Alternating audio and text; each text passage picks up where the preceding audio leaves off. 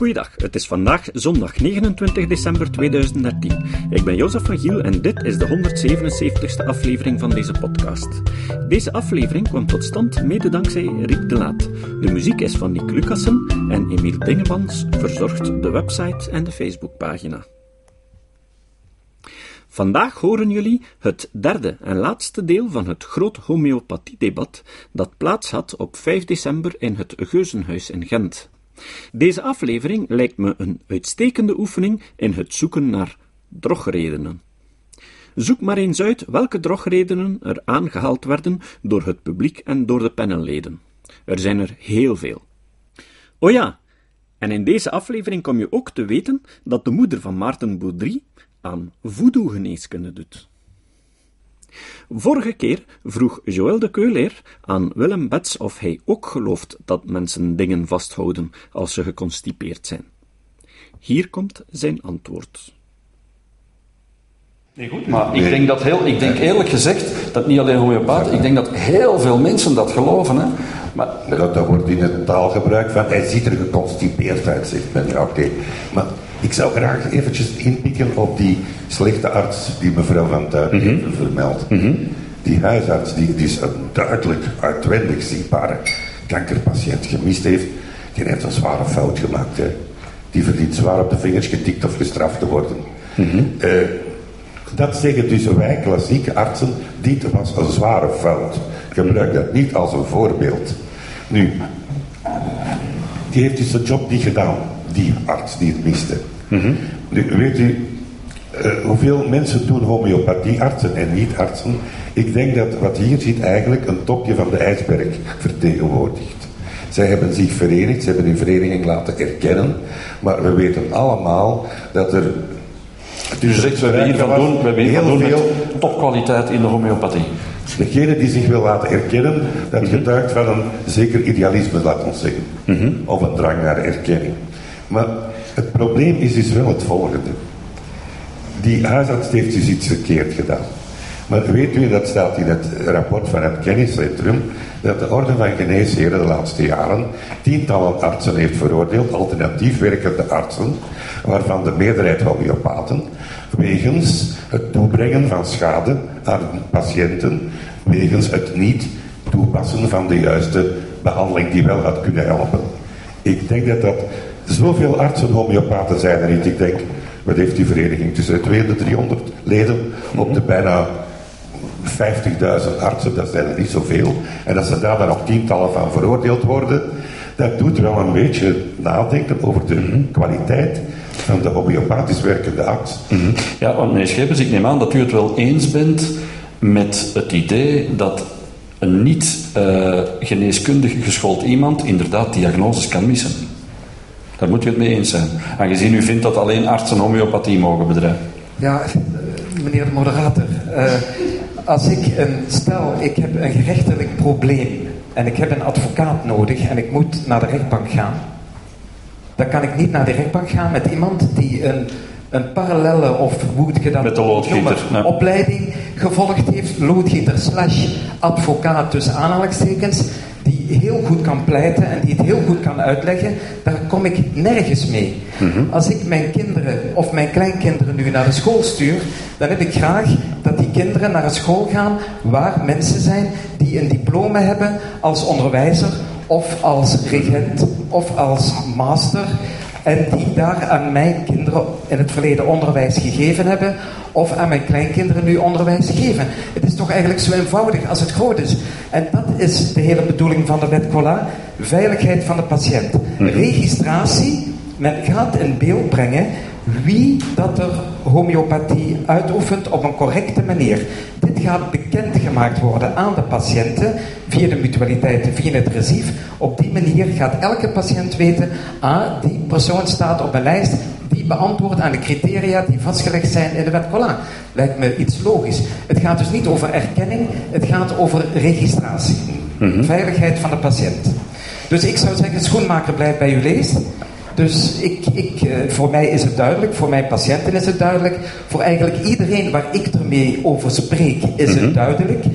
De mensen komen naar ons omdat wij arts zijn en omdat ze het waarderen dat wij naast ons artsendiploma en na, naast onze permanente artsopleiding ook een openheid hebben naar, laten we zeggen, ook al is het dan met kraantjeswater om het of met pompwater, om zo weinig, om zo weinig mogelijk antibiotica, zo weinig mogelijk ontstekingsmiddelen, Mhm. zo weinig mogelijk psychofarmaca en zo weinig mogelijk uh, maagzuurremmende middelen voor te schrijven. daar dus niet- dan vraag ik me af, Ja. wat kan een mens in godsnaam er tegen hebben? Kunt u zich daar niet mee verzoenen? Het minste van twee kwaden kiezen? Dat de minste homeopathie alleen... Ja, het is... Het is Ik ben eerder voorstander van ga naar een normaal werkend arts.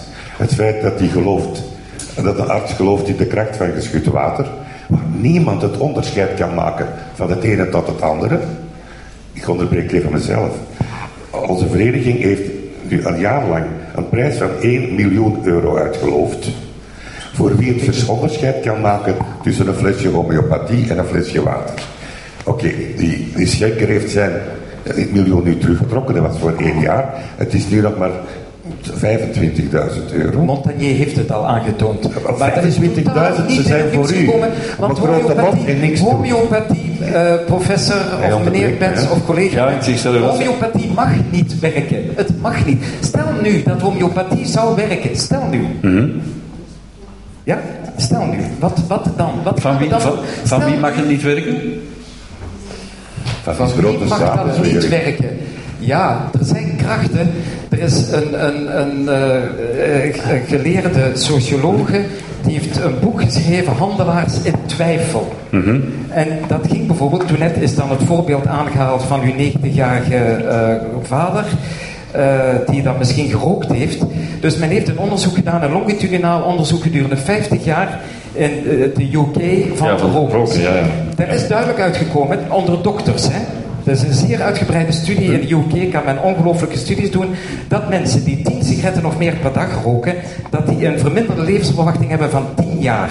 Dat is al jaren is dat bekend. Maar het heeft ook jaren geduurd voordat op sigarettenpakjes is komen te staan roken doodt u. Waarom? Omdat er een hele sterke lobby geweest is die dat heeft proberen tegen te houden. Dus homeopathie werkt. Hè? Ja. Het feit dat volgens u, volgens uw denkwijze, het nog niet bewezen is dat homeopathie niet werkt. Nu ga ik ook eens even een denkoefening doen. Het feit dat volgens uw manier van denken en volgens uw manier van kijken naar de realiteit niet bewezen is dat homeopathie niet werkt, Maar dat kan wil nog niet niet. zeggen, wil nog niet zeggen dat het niet werkt. Hè? Sinterklaas, kunt u bewijzen dat hij niet bestaat? Moeilijk hoor. U moet toch maar eens die oefening doen. Er zijn toch al een aantal dingen in de loop van de geschiedenis waar men bijvoorbeeld dacht, ik geef een heel eenvoudig voorbeeld, dat de aarde plat was. Bijvoorbeeld. Degene die, wie was het, Copernicus of wie was het, die gezegd heeft dat de aarde plat was, die is verketterd in het is begin. Die is verketterd. Dus ik vraag me af, stel nu dat enig bewijs... Sommige ketters waren genieën, maar alle gynaecologen hebben een auto, maar daarom zijn niet alle chauffeurs gynaecoloog natuurlijk. Hè. Dat is de, hè. Maar u vroeg daarnet, u, u had daarnet ook een... eh, ik had nog een vraag, maar ik ben ze... Ik ga eerlijk zijn, ik, ik, ik had daarnet een goede vraag, maar ik ben ze kwijt. Maar misschien kom ik er dadelijk op als... Slechte moderator. Ja, slechte moderator. Ja, ja, slechte moderator, ja. Ja, waarom? Le- le- verklaar u nader. Je verliest uw draad. Dus dat is Ja, dat is slechte moderator. Ik ben mijn draad even kwijt, dat is waar, ja. Nee, ik wou u daar juist even eh, eh, interpelleren van, van, wie, van wie mag het niet. Het, het, het klinkt natuurlijk zeer onlogisch. Eh, Zo'n verdunning, dit is, dit is, dit is eh, belachelijk. Eh, het is water. Ja, want even voor de goede orde, de verdunning is zo extreem dat er geen moleculen van de stof Nee. overblijft. Het voorbeeld dat altijd wordt gegeven is, je kapt een, een, een pintje bier in de Noordzee en je schept in Manhattan in New York een glas, een glas uit de oceaan en daar zou je dan dronken van moeten worden. Heeft u een idee uit hoeveel atomen DNA bestaat? Geweldig veel, denk ik. Nee, vijf. Oké. Des te beter. Vijf verschillende. Vijf verschillende en die dragen al de informatie van heel ons genoom. Dus steek dat dan in zo'n schoon structuurtje. Ik wil maar zeggen, Ja. what the hell we know. Ik heb daar nog iets over te Dus zeggen. u bent vooral koolstof, Over- dus over u het bent de genoom, grote over diamant. het genoom. Oei, we gaan naar het is- nee, maar er is een booming wetenschap sinds een 10, 15 jaar dat noemt de epigenetica. In de epigenetica onderzoekt men dit. Onderzoekt men dit. En men is tot de conclusie gekomen dat genomen geen statische elementen zijn. Ja. Dat die ook dynamisch zijn. Men is tot de conclusie gekomen dat men eh, dat genen aangeklikt kunnen worden of uitgeklikt kunnen worden. Men kan met het aantal genen wat er is, de complexiteit van het menselijk wezen niet bewijzen. Maar bon, zwart, ik denk dat, ik denk dat nee. nu... Bon, ik- Nee, maar men zegt, dat is heel belangrijk. Nee, nee, eh, meneer de moderator. Ja. Dit is, gaat over dat heel ons zijn is iets dynamisch. Ieder van ons Mhm. ook- is ja. dynamiek. Ieder op zijn manier. Hè? Het publiek is ook Ieder- geweldig, ieder- absoluut. Ieder op zijn manier. En dit wordt nu, Ja. puur wetenschappelijk, wordt dit bewezen. Hier is trouwens in 2003 door Mello en dingen ook een Nobelprijs voor gewonnen. Ik ga even naar het dynamische publiek. Want ik kan mij voorstellen, we hebben nog wel even tijd voor een aantal vragen uit het publiek. Ik kan mij voorstellen dat die er zijn. Dan mag u die geruststellen. Ja. Ik ben, ik ben Erik Burens, ik ben voorzitter van de patiëntenvereniging uh, hier in België. Uh, dat soort debat horen wij al jaren en zijn we grondig. Ik ook. Wij als patiënten zijn bijzonder tevreden. We zijn misschien allemaal onnozelaars, maar we hebben een goede gezondheid. Zegt u zelf. Want homeopathie, homeopathie is zeker een geneeswijze, maar het is ook een levensfilosofie. Dat Dat ook in een zekere levenshygiëne. Homeopathie is iets dat ook de patiënt moet uitoefenen. Namelijk, de patiënt is verantwoordelijk voor zijn eigen gezondheid. En dat gebeurt in samenspraak met de arts homeopaat. Door een lange samenwerking. Want je gaat niet één keer naar de homeopaat, je gaat er regelmatig naartoe. En dat is een gans proces. En het is een levenskeuze. En er zijn heel veel mensen die ons volgen. En die ermee tevreden zijn. Wat doet u? Ja. Er verschijnt binnenkort de eh, resultaten van een tevredenheidsenquête. De resultaten zijn verbluffend. ja. Ik was niet van plan om dit voorbeeld te geven, maar ik ga het wel doen. Een oom van mij en zijn gezin, een hele leven in behandeling bij een niet-arts homeopaat, altijd tot grote, grote tevredenheid. Tot die man op een bepaald moment chronische verstopping, diarree afwisselend, bloed in de stoelgang, een aantal symptomen vertoont die bij een klassiek geschoolde arts onmiddellijk alle alarmsignalen doen branden, darmonderzoek, potentiële darmkanker. Die homeopaat Maar hij spreekt over artsen-homeopaten. Oh ja. Hij is de vertegenwoordiger van patiëntenverenigingen. Ja, maar goed. Die vinden dat de homeopathie moet uitgevoerd worden ah, door wel. artsen-homeopaten. Ja, ja, ja. Oké, ja, u breekt, ja, fijn, goed. Ik zal het verhaal niet verder vertellen. Het is een heel triest verhaal. Ja, toen, hij, toen hij bij een echte arts kwam, was het al te laat. Maar goed, als u spreekt namens... Ja, zeg. Ja, eh, ik wil toch wel zeggen dat homeopathie niet altijd werkt.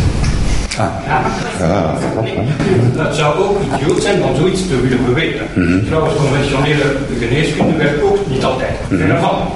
Verre van. Er zijn enorm veel eh, rampen, eh, catastrofen gebeurd, familiale toestanden. Iets onvoorstelbaar ook met conventionele eh, geneeskunde. Ja. En ik zal zeker nooit beweren dat eh, homeopathie altijd werkt. Dat is nonsens. Maar het werkt vaak.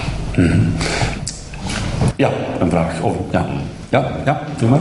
Vaak voor de eh, vertegenwoordigers van de, de homeopaat. Een meneer wat heel boos toen er over de voedselcap werd gesproken, maar dat is toch een, groot probleem is Iets harder spreken. gesteld. Gesteld dat een patiënt bij u niet geholpen kan worden. Wat gebeurt? Aan wie stelt u nu de vraag? Ja, oh ja. Nee, maar wij zijn, een- wij, wij, wij zijn eigenlijk... Ja, ja, nee, goed. Op, Stel, hè? wees, Ik bedoel, ik verdien... wees gerust, de vraag is voor u. De vraag is voor u. Rust, rustig. De vraag is voor u. De vraag- helemaal voor meneer Schepers. Stel ze maar. Ja, Gesteld dat iemand bij u komt, die kan niet door u geholpen worden. Wat gebeurt? ja. Meneer zegt het juist, het werkt niet voor iedereen. En die meneer zegt, of die mevrouw, dan ga ik nu naar de chronische hoofdpijn. U weet echt niet wat er scheelt. U probeert misschien een diagnose te stellen, er wordt veel toegediend, het werkt niet. Ja. En die persoon zegt, dan ga ik naar iemand die schedelboringen doet. En ik heb gehoord dat schedelboringen werken. Ja. U, u, u weet dat er tijden geweest zijn waar iedereen zich tevreden was over schedelboringen. Dat, dat bleek te werken. En dat werd herhaald. En, en Wat is uw vraag? Wat is uw vraag naar mij toe? Wat zegt u tegen iemand die zegt, u kunt mij niet helpen, dan ga ik nu naar iemand die schedelboringen heeft. Maar meneer, Dat heb ik al proberen uit te leggen, heel de avond. Ik ben arts homeopaat. Ik ben klassiek geneeskundig bijgeschoold. Ik volg alle bijscholingen die nodig zijn om geaccrediteerd huisarts te zijn. Ik heb, denk ik, ik weet het niet hoeveel, 1500, 2000 globaal medische dossiers in mijn praktijk. Ik werk samen met specialisten, met gastroenterologen, met gynaecologen. Elk specialisme wat u maar wenst, op een zeer communicatieve en positieve en constructieve wijze. Ik doe hetzelfde als een huisarts. Maar wat zegt- maar wat zegt u tegen die patiënt? De patiënten. Wat Maar- zegt u? Meneer, Doet u maar, zegt u Een beetje warm. Meneer, ik vind uw vraag, ten eerste vind ik uw vraag zeer suggestief. Ik ben arts. Ik ben arts. Ja, maar nee. Antwoord op wat- de vraag is Ja, maar antwoord op de vraag. Ik heb ten eerste op 33 jaar die vraag nooit gekregen. Nee, maar als- Als ik zeg, dan ga naar de neuroloog. Wat denkt u wie dat ik ben? Wat denkt u? Ik ben 33 jaar arts. U maakt mij hier belachelijk. U maakt mij hier belachelijk. Ik ben 23 33 jaar arts. Ik stuur die naar een neuroloog als ik dat nodig vind. zou een Wat denkt u? homeopathisch middel Wat denkt u nu toch? Dat is het antwoord dat u graag wilde, ja. Ja. Dat is het antwoord wat u graag wilt horen. Hè? Wij krijgen patiënten bij ons die zelf gaan zeggen: Ik ga een schedelboring doen. Ja? U maakt mij belachelijk en u maakt de patiënt belachelijk. Meneer Schepers, als ik ziek ben, ik kom niet bij u in behandeling met uw temperament. heel Maar goed. ik ben gelukkig geen arts. Maar mevrouw, mevrouw Antana, wat wilt u daarover zeggen? Ik denk dat ik begrijp wat dat meneer wil zeggen. Hè? Ja. Van, u gaat dan eigenlijk hetzelfde doen hè, wat wij nu ten opzichte van de homeopathie ervaren. Hè? Kijk, er is zoiets als de behandelingsvrijheid, maar er is ook zoiets als de therapievrijheid, de keuze op vrijheid van therapie. Als die patiënt zegt, ik, ga, ik kan mij niet helpen, ik laat nu schedelboring doen, maar dan is dat eigenlijk de vrijheid van die patiënt om die behandeling te zoeken in een schedelboring. Weliswaar, hij heeft een goede diagnosestelling. En daar ben ik van overtuigd dat hij die enkel binnen de klassieke geneeskunde kan krijgen. Wat betreft hoe het met zijn ja, hersenen enzovoort gesteld is. Hè. Dus ik kan niet als homeopaat of als welke hulpverlener ook iemand verplichten om een bepaalde behandeling te doen of om te raden van een bepaalde behandeling. En als iemand zegt, ik heb verschrikkelijke hoofdpijn en ik ken iemand en die zegt, Natuurlijk moet je dat doen. die wil al mijn ledematen amputeren. Ja. Maar natuurlijk moet je een En zegt u dan, oh, dat, dat, dat ja, Dan zou ik toch eerst naar de kip denk Ik ik. zou dit niet doen. En vanuit mijn manier van kijken zou ik dit niet doen. Mhm. Maar iedereen is vrij om naar de behandeling te gaan die hij wil. Dat Ja. kunnen wij toch Het is een plicht. als humanisten. Het is een plicht als arts om mensen te ontraden om dingen te doen die hun gezondheid in gevaar brengen. Dat is toch logisch? Dat is de eed van Hippocrates die wij moeten afleggen. Heel, wel, heel, heel kort, want misschien zijn er nog andere vragen. Bloedzuigers kunnen geen kwaad. Maar dat is een, dat is een variant, hè. Maar ja. Ja, maar meneer zegt schedelboringen, u brengt de gezondheid van uw patiënt in gevaar, een van Hippocrates. Het is volledig onschuldig. Het is goed. Maar het werkt niet. Ik neem aan dat we het daarover eens zijn. Dat werkt niet. ja. Bon. Ik stel, ik stel Uw punt is duidelijk. Ik zie hier nog vragen. U Het hebt, is duidelijk, ja, u, u het hebt, is u een hebt- goed recht om uw punt te hebben, maar ik verwacht toch een klein beetje respect. Ja. Ja? 33 jaar, van 's morgens vroeg tot avonds Ja. laat, Ja. werk je met U hebt nog een vraag. Wacht, Dus ik verwacht een beetje u respect. hebt nog een vraag. U hebt nog een vraag. Terug naar wat fundamenten gaan. We gaan naar de fundamenten. we hebben het daar straks gehad over dus de materia medica. En dus de keuze van een remedie gebeurt op basis van de materia medica. De materia medica is opgesteld op basis van proefings. Het is daar straks uitgelegd. Het geven van de middelen aan gezonde personen. Vroeg, dus in de 19e eeuw vooral. Dat zijn proefings die totaal onwetenschappelijk zijn uitgevoerd. De vraag is, hoe betrouwbaar is dan die materia medica als die proefings zelf totaal onbetrouwbaar zijn? Dat is één. Ten tweede worden er nog nieuwe proefings uitgevoerd Ja. van totaal absurde middelen. Ja. Berlijnse muur, Ja. vagen, mobiele telefoon. Berlijnse muur, dat wil zeggen dat men een minuscuul stukje van de Berlijnse muur in water doet, schudt, verdunt. Ja, ja. Laat de techniciteit ervan. Maar dat helpt tegen een opgesloten gevoel. Tegen een gevoel van opgesloten. Waartegen helpt de Berlijnse muur, heel kort. Nee, maar mag, mag, ja. Ja, uw, uw vraag is... Hoe kunt u zich baseren Ja. op een materia medica die zelf niet betrouwbaar is? Ja. Nu, eh, Ja, ik neem graag. het recht toe om hierop te antwoorden, Ja. want ik heb zelf al verschillende... Ik zal het, ja, ik zal het Ja, kort kort, oké. Ik heb zelf al verschillende provings in mijn carrière gedaan, namelijk vijf, als provingleider, als prover. Dus heel concreet, je test een middel op gezonde personen. Je, je moet eerst die persoon goed ondervragen voordat hij aan het geneesmiddelenonderzoek begint. Om zijn klachten te kennen voordat hij daarmee begint. Om goed te kunnen evalueren wat klachten zijn van de persoon, wat nieuwe klachten zijn. Dan geef je het middel en dan observeert je die patiënt zeer intensief gedurende Mag ik even uitspreken zonder dat ik onderbroken word? Ja, ja, ja, ja, Dan geef je zeker. dat middel en dan observeert je dat gedurende twee maanden. Een tweetal maanden observeert je die patiënt en destilleert je de eh, symptomen passen Dat is bij één individu. van het middel. Bij één individu. Nee, nee. Nee, vijf nee. of zes. Je zou minimaal Vijf toch of een zes. 15 provers moeten hebben. En liefst op verschillende plaatsen van de wereld, wat ook al gebeurd is. En dan stelt je een geneesmiddelenbeeld vast. U haalt nu een paar, inderdaad, kun je zeggen, belachelijke voorbeelden aan. Er zijn excessen, zonder meer. Ik vind dat ook belachelijk wat u eraan haalt. Maar er is bijvoorbeeld een ander voorbeeld. Dat is, ik zal maar zeggen, paardenmelk. Paardenmelk is een product wat er al is in de natuur, zolang als er paarden zijn. In de homeopathie is dat nog maar gekend sinds een vijftiental jaar, omdat een vijftiental jaar geleden voor het eerst paardenmelk getest is. Dus je hebt die symptomen die je krijgt van de patiënt die de proving doet, en dan ga je zien of je die eh, symptomen kunt terugzien bij de patiënt. Je schrijft dat voor, en als je de patiënt daarmee verder helpt, dan noemt men dat klinische verificatie. En dan gaat men die symptomen verifiëren in de praktijk.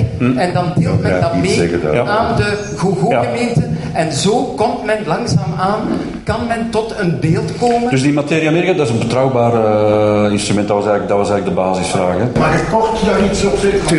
Ik denk inderdaad Heel kort, want ik denk, ik, ja, super, super kort. Want professor Bets moet iets zeggen en er zijn nog vele vragen. dat de moderne provings rigoureuzer worden uitgevoerd dan de oude. Maar dat neemt niet weg dat natuurlijk Ja. 98% van de materia medica Ja. steeds... Oké, uw punt is gemaakt, professor Bets. Professor Bets. Eh, ik probeer voor het publiek uit te leggen, Materia Medica is een boek. Dat begint met allemaal Latijnse namen. En dat is dus een product, Latijnse naam van iets dat men heeft uitgetest op vrijwilligers. En dan staat daaronder welke symptomen dat geeft. Dus bijvoorbeeld een oesterschelp, gemalen oesterschelp, geeft 500 verschillende symptomen. Zwavelbloem geeft meer dan 1000 symptomen. Eh, Berlijnse muur geeft ook heel veel symptomen. Dat raakt Kant nog wel. Nu, in der tijd, Hahnemann, dat, dat zeggen ze zelf, is begonnen met Kina-bast, de schors van de kinaboom te nemen, kreeg ze wat malaria-achtige symptomen. Dit is complete nonsens. Krijgen jullie malaria als je een, een tonic neemt? Daar zit kinine in, hè? Heel die materia medica is één grote klucht. Weet u dat ze tegenwoordig bij hun provings, dus het uitproberen op gezonde mensen, het zozeer verdunnen dat er niks meer in zit. En dan schrijven ze twee maanden lang elke wind op en elke droom en dan is dat zogezegd het beeld. Kan het nog absurder?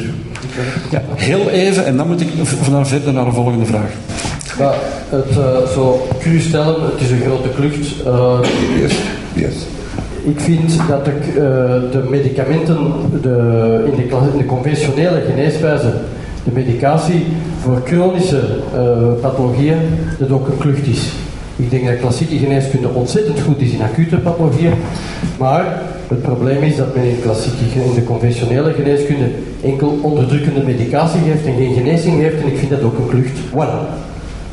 Maar ja, daarom werkt homeopathie nog niet. Hè? Er is ook een probleem. Er is, Ik, eh, ik, ik kan u nu niet het woord geven. Ik moet naar de volgende vraag. Ja, mevrouw, meneer, daar dan van achter. Het zijn nog te veel vragen. Ja, mevrouw? Ik sta volledig achter exacte wetenschap, maar ik heb het enorm moeilijk met arrogantie van wetenschappers. Dus het is veel moeilijker om een complexe benadering te bewijzen dan op een eh, klein vakgebied, eh, bijvoorbeeld een maagproblematiek eh, van maagremmers, weet men nu door de tijd hoeveel mensen daar verschillend op reageren, welke negatieve effecten daar tegenover staan. Hoeveel medicatie is er naar wetenschappelijk bewijs al niet uit de handel genomen, wegens schadelijke neveneffecten die op meerdere personen verschillend zijn, uiteenlopend zijn. Dus ik heb het echt tegen de arrogantie van de wetenschap die zich focust op één klein puntje dat makkelijk te bewijzen is en daar dan zich niet moet verantwoorden voor de schadelijke effecten die soms 50 jaar later bewezen worden. bewezen. Ja, ja. Dus ik vind, men mag niet minachtig doen tegenover mensen die het proberen aan te tonen. En het is niet omdat iets empirisch oké is, dat het bewijs er nog niet is, maar ook niet kan naartoe. Ik vind het belangrijk. Ja, 20, 30 jaar. ik vind het een. Ja, Ik vind ik een zeer lelijke eh, houding. Ja. Vanavond wel redelijk wat aan bod gekomen. Dat is een klacht. Ja. dat, dat, dat is een klacht die heel vaak terugkomt. Ja. Arrogantie, minachting. eh, Ja.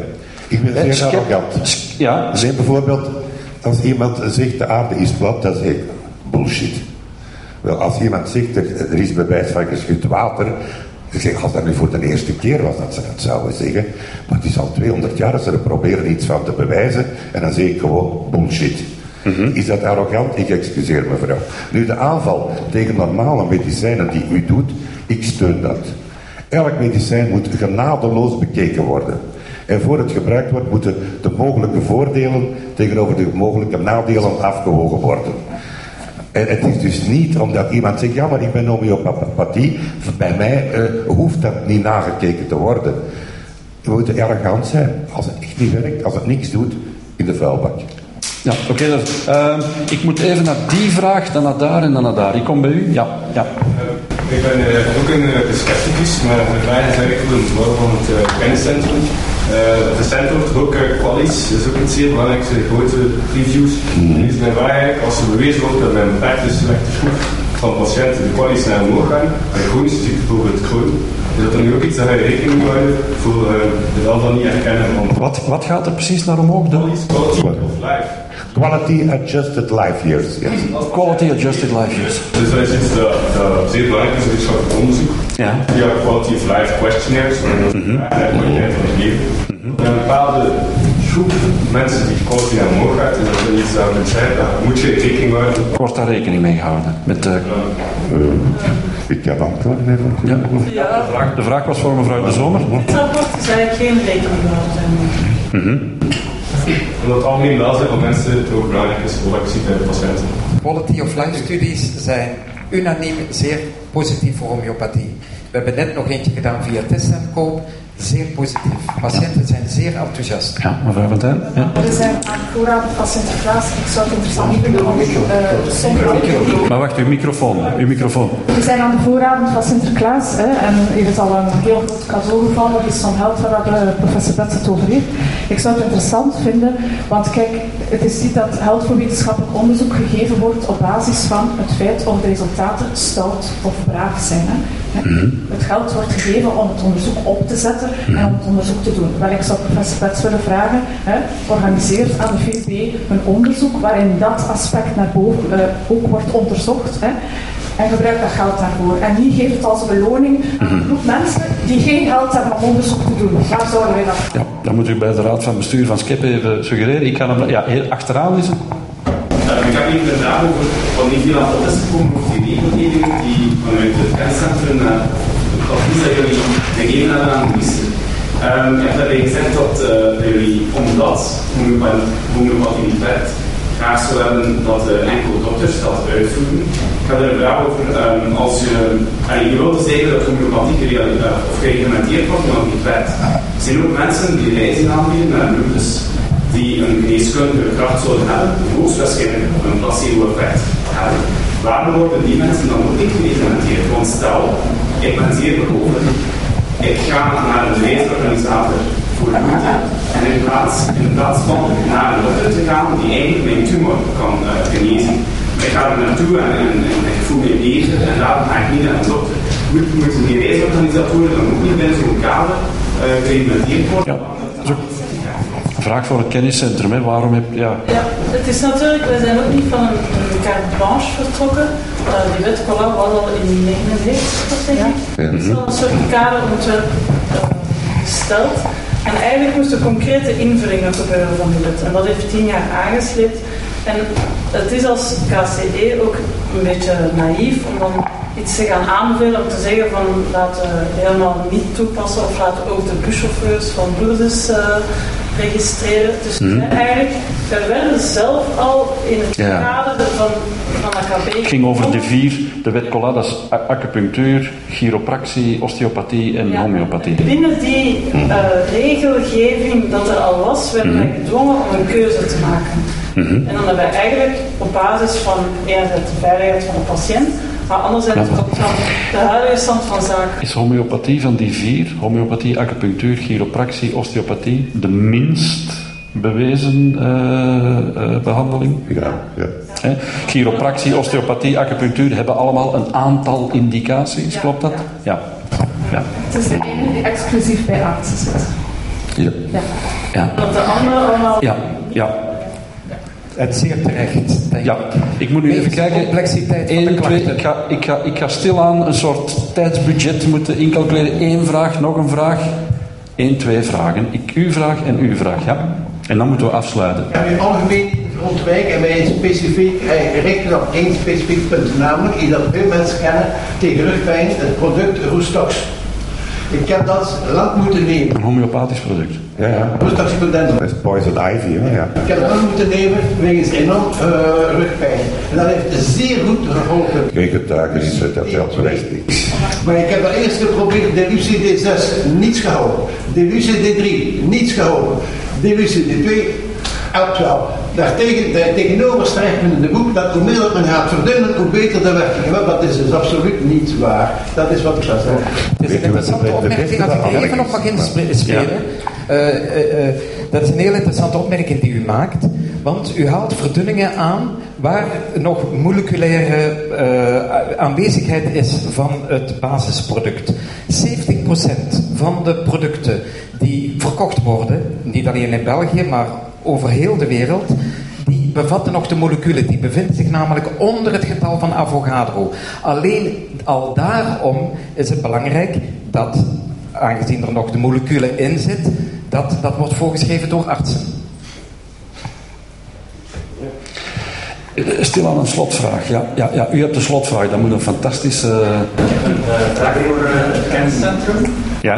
Is in de wetgeving, of bij het maken van nu de, de wetgeving die op dit is, eh, rekening gehouden met onze buurlanden en Europa en zelfs de wereld eh, naar erkenning en registratie van homeopathie? Omdat ik merk dat blijkbaar in onze omringende landen homeopathie erkend wordt. Ook zelfs voor een groot stuk door sommige zorgverzekeraars terugbetaald wordt.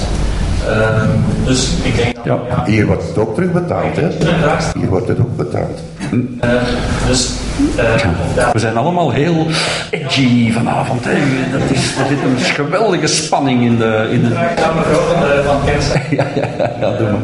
Dus, dus die vraag, eh, ook zelfs naar Europa en de wereld. Hè. En anderzijds, eh, mijn tweede vraag is dan van, ik merk ook dat dus enerzijds homeopathie erkend wordt door anderen in andere landen, plus eh, dat er ook artsen, niet-artsen, ook in andere landen het, eh, de titel homeopaat mogen dragen.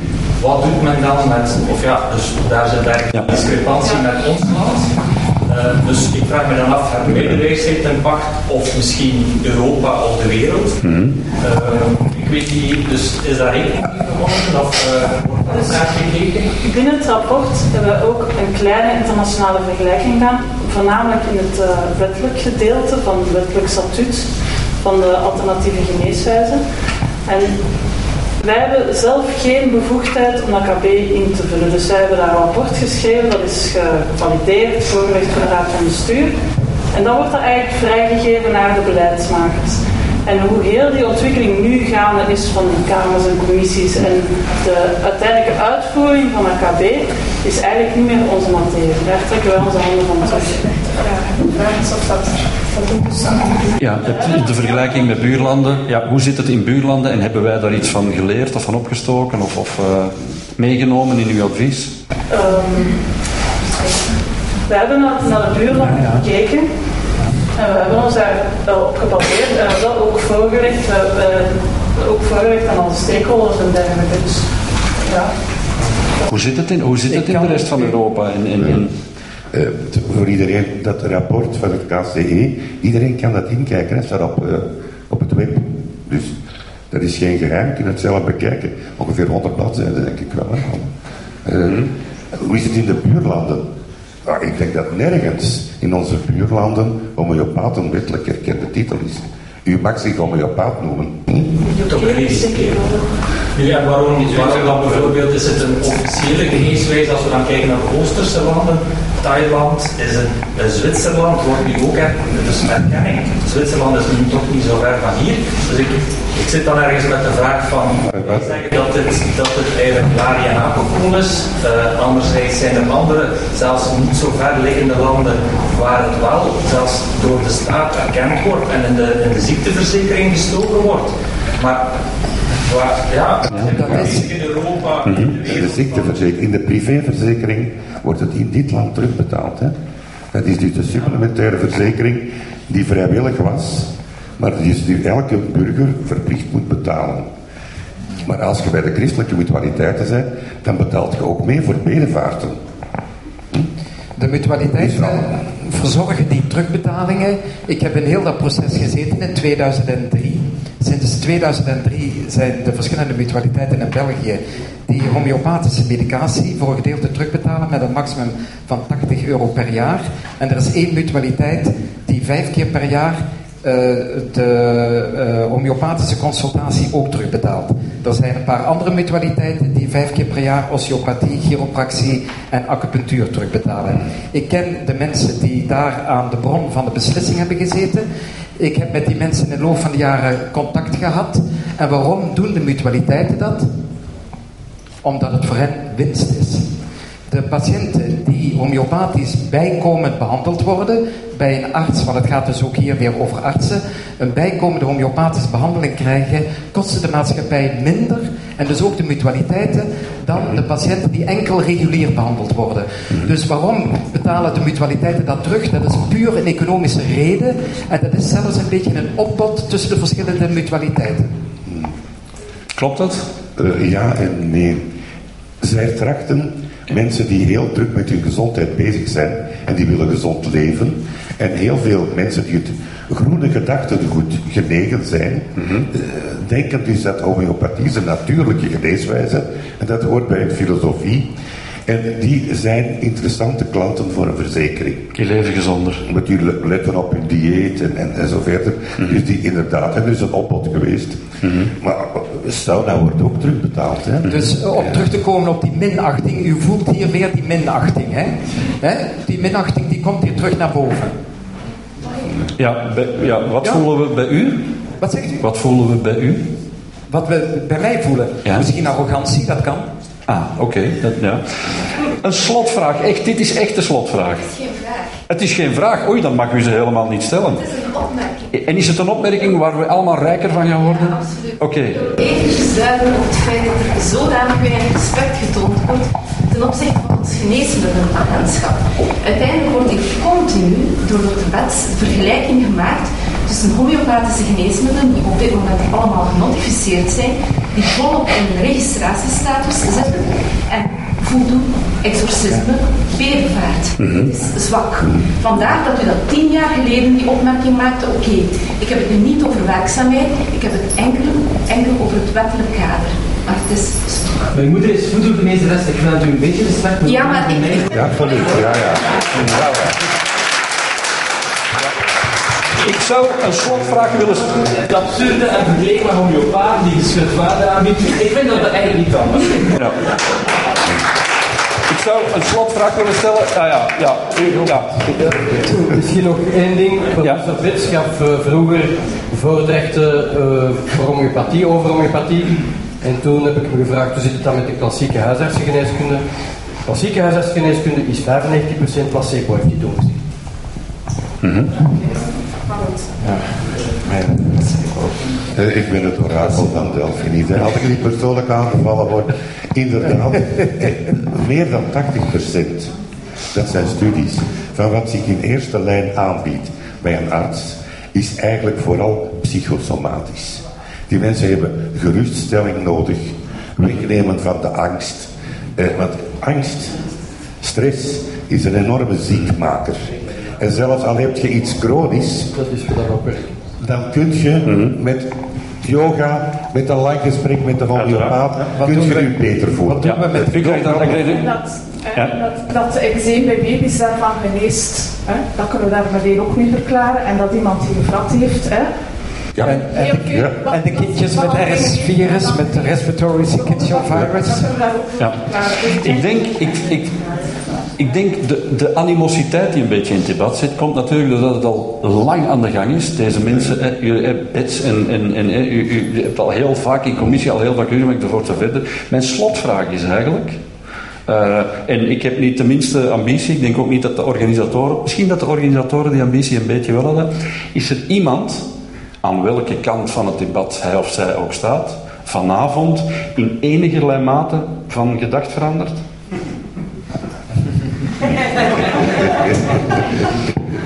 Het was een, maar het was toch een. Te, hè? Gezonde wetenschappen getwijfeld. Ja. ja.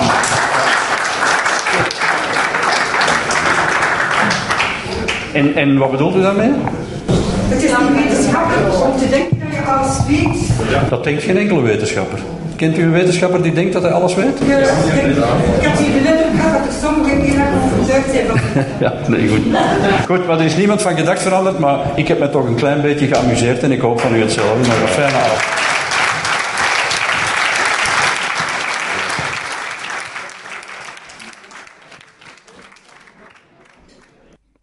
met excuses voor de geluidskwaliteit. Enkele micro's bleken niet te werken en bij de vragen werd er geen microfoon doorgegeven in de zaal. Ik heb geprobeerd om het geluid wat bij te sturen tijdens de editing. Het citaat. Vandaag horen jullie nog een citaat van Richard Feynman. Feynman zei: Voor zij die geen wiskunde kennen, is het heel moeilijk om zich een beeld te vormen van de pracht, de diepste pracht van de natuur. Tot de volgende keer.